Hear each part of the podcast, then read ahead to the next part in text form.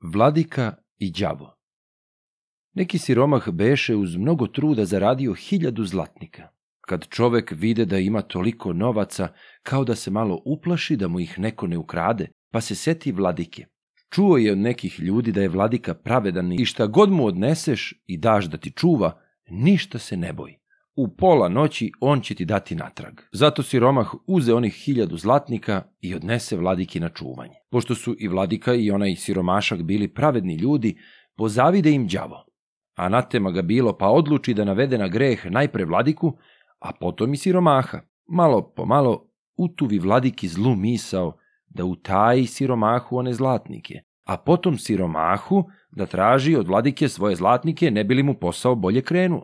Jednog jutra siromah pođe vladiki po novce. Kakve zlatnike tražiš od mene? reče vladika ljutito i istera siromaha napolje.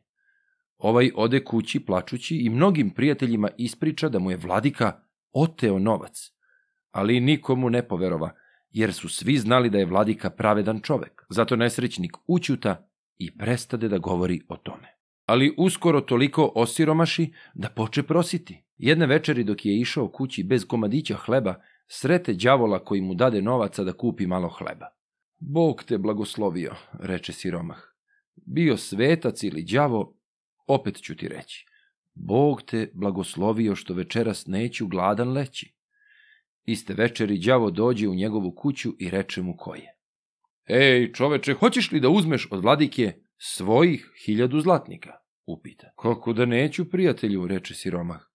Aman, kaži mi samo kako. E, kad je tako, čućeš kakve majstorije ja znam. Evo, ja ću se pretvoriti u mazgu, a ti me pojaši i prođi pored vladike. Njemu će se mazga dopasti i on će poželeti da je kupi. Onda ti potraži za nju hiljadu zlatnika, a posle gledaj kakvu ću sramotu da mu nanesem. Siromah pristade i toga časa se đavo pretvori u mazgu. Onda ovaj pojaha i pođe ispred vladičina konaka, kako je vladika sedeo kraj prozora, ugleda mazgu, pa baci oko na nju i pozva siromaha da je kupi. Ovamo onamo pogodiše se za hiljadu zlatnika.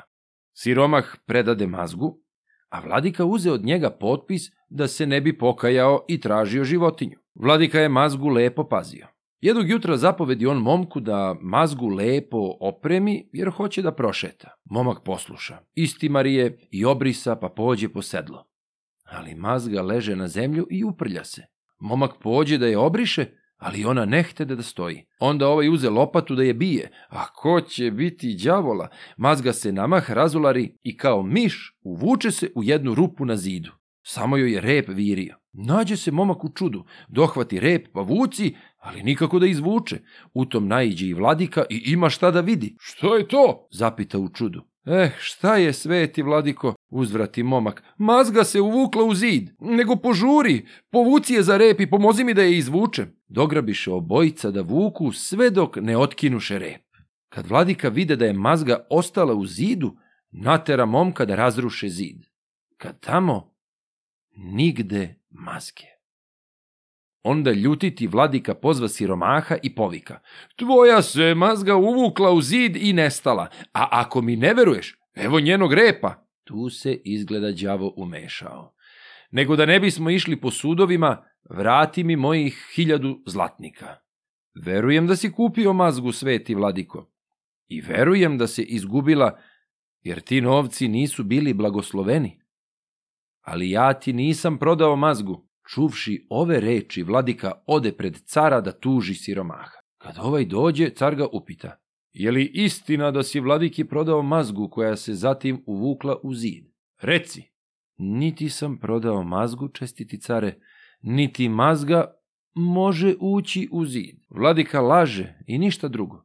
Vladika poteže rukom pod pazuho da izvadi siromahov potpis i pokaže ga caru ali đavo beše pretvorio hartiju u karte za igranje. Kad to vide, car reče vladiki. Pa ti zbijaš šalu sa mnom. Vladika se prenerazi i da bi sa sebe skinuo sramotu, izvadi iz džepa mazgin rep kao najbolji dokaz da govori istinu. Evo mazginog repa, čestiti care. Otkinuo se kad je mazga ušla u zid, pogledaj i sam. Ali đavo je već pretvorio rep u tambur. Car tada viknu. Bruko i sramoto! Zar meni da daš tamburu? Zar sa mnom da zbijaš takve šale? Izlazi odavde dok te nisam bacio u tamnicu. I tako je đavo uspeo da navede na greh i vladiku i siromaha.